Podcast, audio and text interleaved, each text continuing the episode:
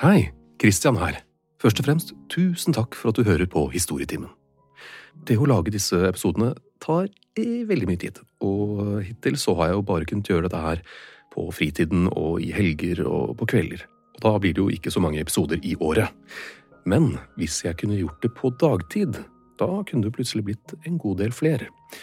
Men det er jo avhengig av støtte, så derfor lurer jeg på følgende.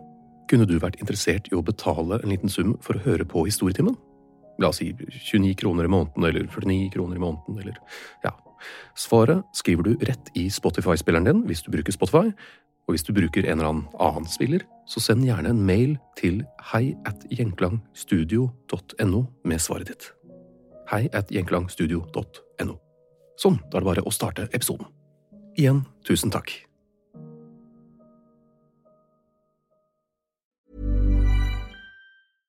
Selling a little or a lot? Shopify helps you do your thing however you cha-ching. Shopify is the global commerce platform that helps you sell at every stage of your business. From the launch your online shop stage to the first real life store stage, all the way to the did we just hit a million orders stage. Shopify is there to help you grow. Shopify helps you turn browsers into buyers with the internet's best converting checkout. 36% better on average compared to other leading commerce platforms because businesses that grow grow with Shopify. Get a $1 per month trial period at shopify.com/work. shopify.com/work. Hiring for your small business? If you're not looking for professionals on LinkedIn, you're looking in the wrong place. That's like looking for your car keys in a fish tank. LinkedIn helps you hire professionals you can't find anywhere else, even those who aren't actively searching for a new job but might be open to the perfect role. In a given month, over 70% of LinkedIn users don't even visit other leading job sites. So start looking in the right place. With LinkedIn, you can hire professionals like a professional. Post your free job on linkedin.com slash people today. Wow. Nice. Yeah. What you're hearing are the sounds of people everywhere putting on Bombas socks, underwear, and t-shirts made from absurdly soft materials that feel like plush clouds. Yeah, that plush. And the best part? For every item you purchase, Bombas donates another to someone facing homelessness. Bombas. Big comfort for everyone. Go to bombas.com slash ACAST and use code ACAST for 20% off your first purchase. That's bombas.com slash ACAST. Code ACAST.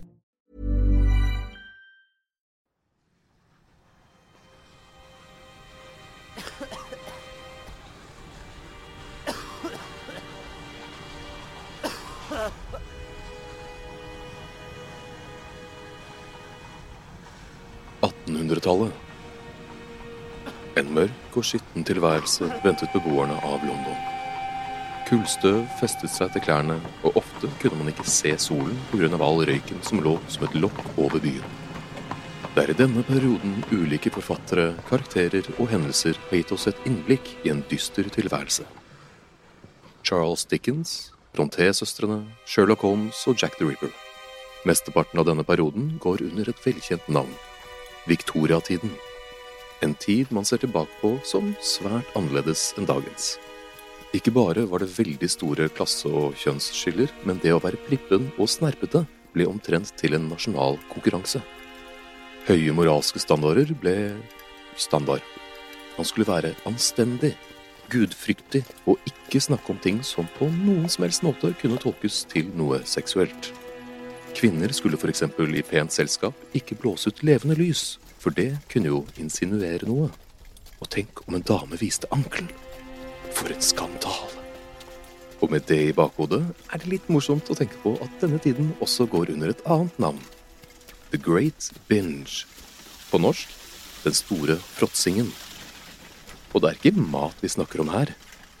Det er narkotika og like britisk som Victoria-tiden, startet alt med te. Det er ingen hemmelighet at britene konsumerer vanvittige mengder med te, og det har de gjort i mange hundre år. Tilbake på 1700-tallet falt britene pladask for teen de lagde i Kina, og ved 1720-tallet dominerte britisk sølv for kinesisk te handelen. 30 år senere, i 1750, hadde den blitt britenes nasjonaldrikk. Ved overgangen til 1800-tallet begynte denne handelen å stresse det britiske imperiet. Ikke teen, altså, men måten handelen foregikk på. For de var vant til å importere råvarer billig, foredle dem selv, for så å selge det dyrt. God gammeldags imperialisme og kolonialisme.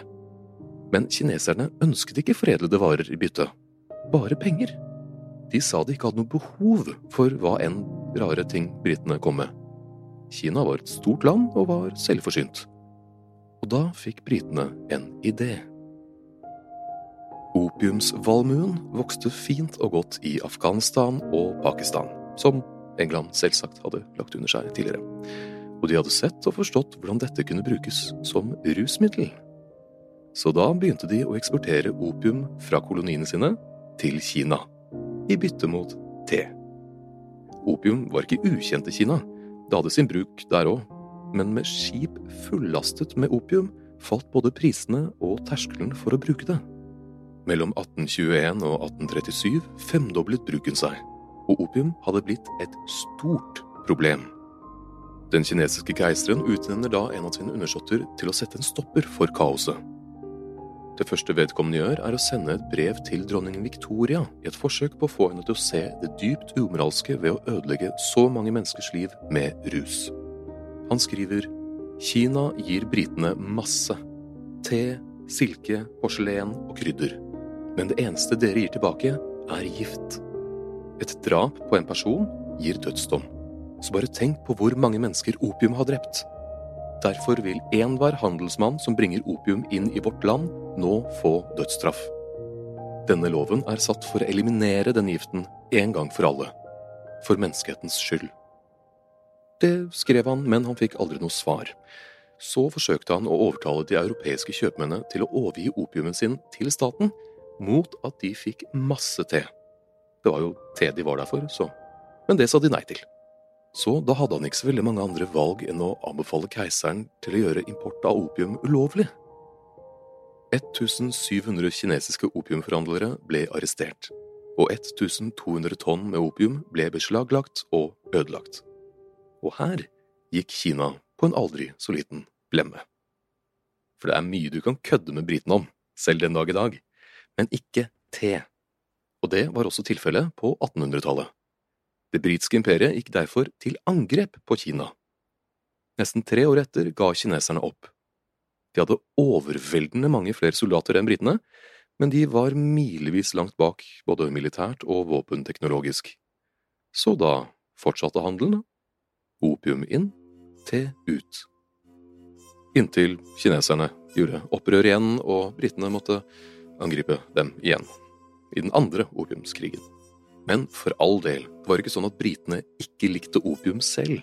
I 1830-årene importerte England ti tonn opium årlig. Ikke i nærheten av de 1200 tonnene i Kina, men allikevel. Og selv om importen i England sank utover århundret, så ble det fortsatt solgt i bøtter og spann i alle mulige former. Blant annet som hostesaft. En av hostesaftene heter Ayers Cherry Pectoral. Den var særdeles populær i både Europa og USA, og ikke bare skulle den frita kunden for irritasjon over hoste, men også mange andre problemer, som hodepine og å få gråtende barn til å bli stille. Kvinner og barn var den største gruppen det ble markedsført til. Bare i USA var det på slutten av 1800-tallet mellom 150 til 200 000 opiatavhengige. Rundt 70% av dem var kvinner. Dette forklares med at man fikk kjøpt opium rett over disken uten resept, og at kvinner ble anbefalte for såkalte kvinneproblemer. En annen populær blanding var laudanum. Det var en tinktur, altså opium blandet ut med alkohol så det skulle løse opp. Før 1868 kunne du kjøpe det i din lokale pub, hos grønnsakshandleren, hos frisøren og selvfølgelig hos apotekeren. Det var en fiks for alt, og alle kunne kjøpe det. Både Charles Dickens, Bram Stoker, Percy Shelley og lord Byron var blant de som var avhengige skråstrekk storforbrukere. Det hjalp at det ofte var billigere enn alkohol, fordi det slapp ekstra beskatning, og så slapp du i tillegg den horrible lukten som opiumsrøyken medbrakte. Smaken var dog fryktelig bitter. Men er det én ting mennesker er gode på, så er det jo tilpasning og utvikling. Så da opium begynte å falle litt i popularitet, steg en franskmann ut fra skyggene og inn i det celebre lyset. For i 1863 lagde Angelo Mariani en ny drikk. Han hadde lest seg opp på effekten av coca-blader og lanserte nå et utrolig produkt. Et produkt som skulle vinne over verden. Mariani-vin. Enkelt forklart vin med kokain. Etanolen i vinen trakk ut kokainen fra coca-bladet og gjorde det hele ganske potent. Dette markedsførte han ved å si at du ville bli sterkere, mer våken, sunnere og få bedre appetitt og humør. Pluss at det var en bordeauxvin. Ikke noe skvip fra herr Mariani, nei. Selve produktet var én ting, men det virkelig briljante han gjorde, var å få kjendiser til å fronte det og skrive under på at de digget det. Og den kjendislisten, den er lang.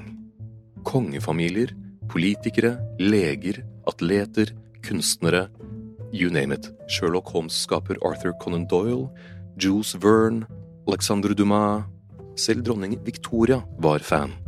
Thomas Edison sa den gjorde at han kunne være oppe lenger på natten. Utrolig nok. USAs president Ulysses S. Grant drakk rikelig med det da han skrev sine memoarer, så de er nok rimelig intense. Leger som hadde fått det tilsendt av Mariani selv, kunne skrive under på at dette var bra saker. Det var et vidundermiddel, og helt trygt for barn å drikke. Men best av alt, og dette er markedsføringsgenialitet på sitt ypperste. Han fikk to paver til å reklamere for det. Paver. Både pave Leo den 13. og senere pave Sankt Pius den 10. var store tilhengere og, og brukere. Såpass at pave Leo ga Mariani en offisiell gullmedalje fra Vatikanet som takk for at han lagde produktet. Og paven var også avbildet på en rekke reklameplakater for denne fabelaktige drikken. Den samme paven hadde for øvrig til enhver tid en lommelerke med marianevin på seg, og sa at det hjalp han når bønn ikke funket. På den andre siden av dammen, i USA, ble en herremann ved navn John Pemberton såpass inspirert at han rett og slett kopierte hele greia. Den eneste forskjellen var at han også tilsatte colanøtter fra Afrika for å få opp koffeinnivået. Og hva het denne drikken? Yes, Coca-Cola. Kokain var kjent før Mariani, dog ikke lenge, men hans teft for markedsføring gjorde at verden virkelig fikk øynene opp. I 1885 lanserte Park Davis i USA kokainsigaretter. Det fantes pastiller og drops du kunne kjøpe i butikken, tannkrem som gjorde deg litt kvikkere om morgenen, og til og med en kokainsalve som kvinner kunne smøre underlivet sitt med for å unngå å bli opphisset. Ja, Victoria-tiden var rare tider og så fikk man selvsagt kjøpt ferdigkit for den travle person, med sprøyte, dop og alt ferdigpakket. Den kjente boken The Strange Case of Dr. Jekyll and Mr. Hyde ble skrevet i en seksdagers kokain-binge, og Freud mente at kokain fjernet opiumsavhengighet og var bra mot migrene og depresjon. Ikke overraskende skal han visst også ha skrevet ned sin teori om psykoanalyse i ganske heftig kokainrus. Opium hadde som nevnt mistet litt av populariteten sin. Det er bare å lese Oscar Wilde eller Charles Dickens beskrivelser av mørke, triste opiumbuler for å forstå at mange nå så at ting ikke var helt på stell, selv om det må nevnes at Dickens var en storforbruker selv. I The Picture of Dorian Gray skriver Oscar Wilde det var opiumbuler hvor man kunne kjøpe glemsel, steder hvor grusomhetene fra gamle synder kunne bli ødelagt av galskapen til de nye. Så ja, ganske triste greier, altså så mange ble da opptatt med å finne det nye store, en ny Mariani-landeplage. Og man fant etter hvert ut at opiumsvalmuen gjemte flere herligheter enn bare opium. I 1898 trademarka det tyske firmaet Aktie Engeselschaft Farbenfabrik, i dag kalt Bayer, navnet og produktet heroin. De hadde eksperimentert med opiumsvalmuen i et forsøk på å finne et alternativ til opium. Heroin, sa de, skulle hjelpe mot opiumens avhengighet, fordi heroin så klart ikke var avhengighetsskapende. Rundt samme tid oppdaget man at man kunne hente morfin og kodein fra opiumsvalmuen også, så her var det nok å ta av. Nå skal det sies at opp gjennom årene var flere som kjempet for både begrensning og forbud av narkotika og alkohol, selv om det som regel bare var alkohol som ble berørt. Men da verden gikk inn i det tyvende århundre, begynte ting sakte, men sikkert å endre seg. Mange av verdens land samlet seg i Haag for å meisle ut noen regler. Og her, ved Haag-konvensjonen i 1912, ble de fleste landene enige om at opium, morfin og kokain kun burde brukes på legitimt medisinsk grunnlag. De fleste land, utenom Tyskland, som tjente godt på farmasøytbransjen. To år senere, i 1914, hadde de fleste glemt denne konvensjonen, for da var det andre ting på horisonten som umiddelbart krevde oppmerksomhet, nemlig første verdenskrig. Det er 1914, og Europa står i spenn. Alle hater hverandre, alle vil slåss, ingen tror de selv kan tape, og alle er rusa. Hvis ikke opptakten til krigen hadde satt en stopper for Haag-konvensjonen, så hadde i hvert fall selve krigen gjort det. Foreldre sendte sine skyttergravsklare barn ferdigpakker med all slags narkotika. Det var reklamer for slikt på gatehjørnene. Gi ditt barn en større sjanse for å overleve. Send kokain nå. Nasjonene selv brukte selvsagt alle midler tilgjengelig for å vinne. Soldatene ble foreskrevet alkohol og kokain for å fjerne frykt, samt morfin og heroin for å roe nerver, takle smerter og faktisk få sove i de ihjelbombede skyttergravene. Ordet morfin stammer faktisk fra Morpheus, den greske guden for søvn. Morfin kunne bli administrert til en skadet soldat i ukevis, og ikke overraskende endte mange av de skadde soldatene som avhengige også etter krigen. En av de mest kjente het Herman Göring, et navn de fleste drar kjensel på. Han var jagerflypilot under første verdenskrig, ble skadet avhengig, og fortsatte så som nazist og sjef for Luftwaffe under andre verdenskrig. Trygt. Så slik endte The Great Binge, den store fråtsingen. 1914, the year the world went mad. Kan et århundre med tung narkotikamisbruk ha vært en bidragsyter til første verdenskrig? Det er i verste fall en rimelig solid teori. For videre lesning og bilder, se informasjonen som følger med episoden.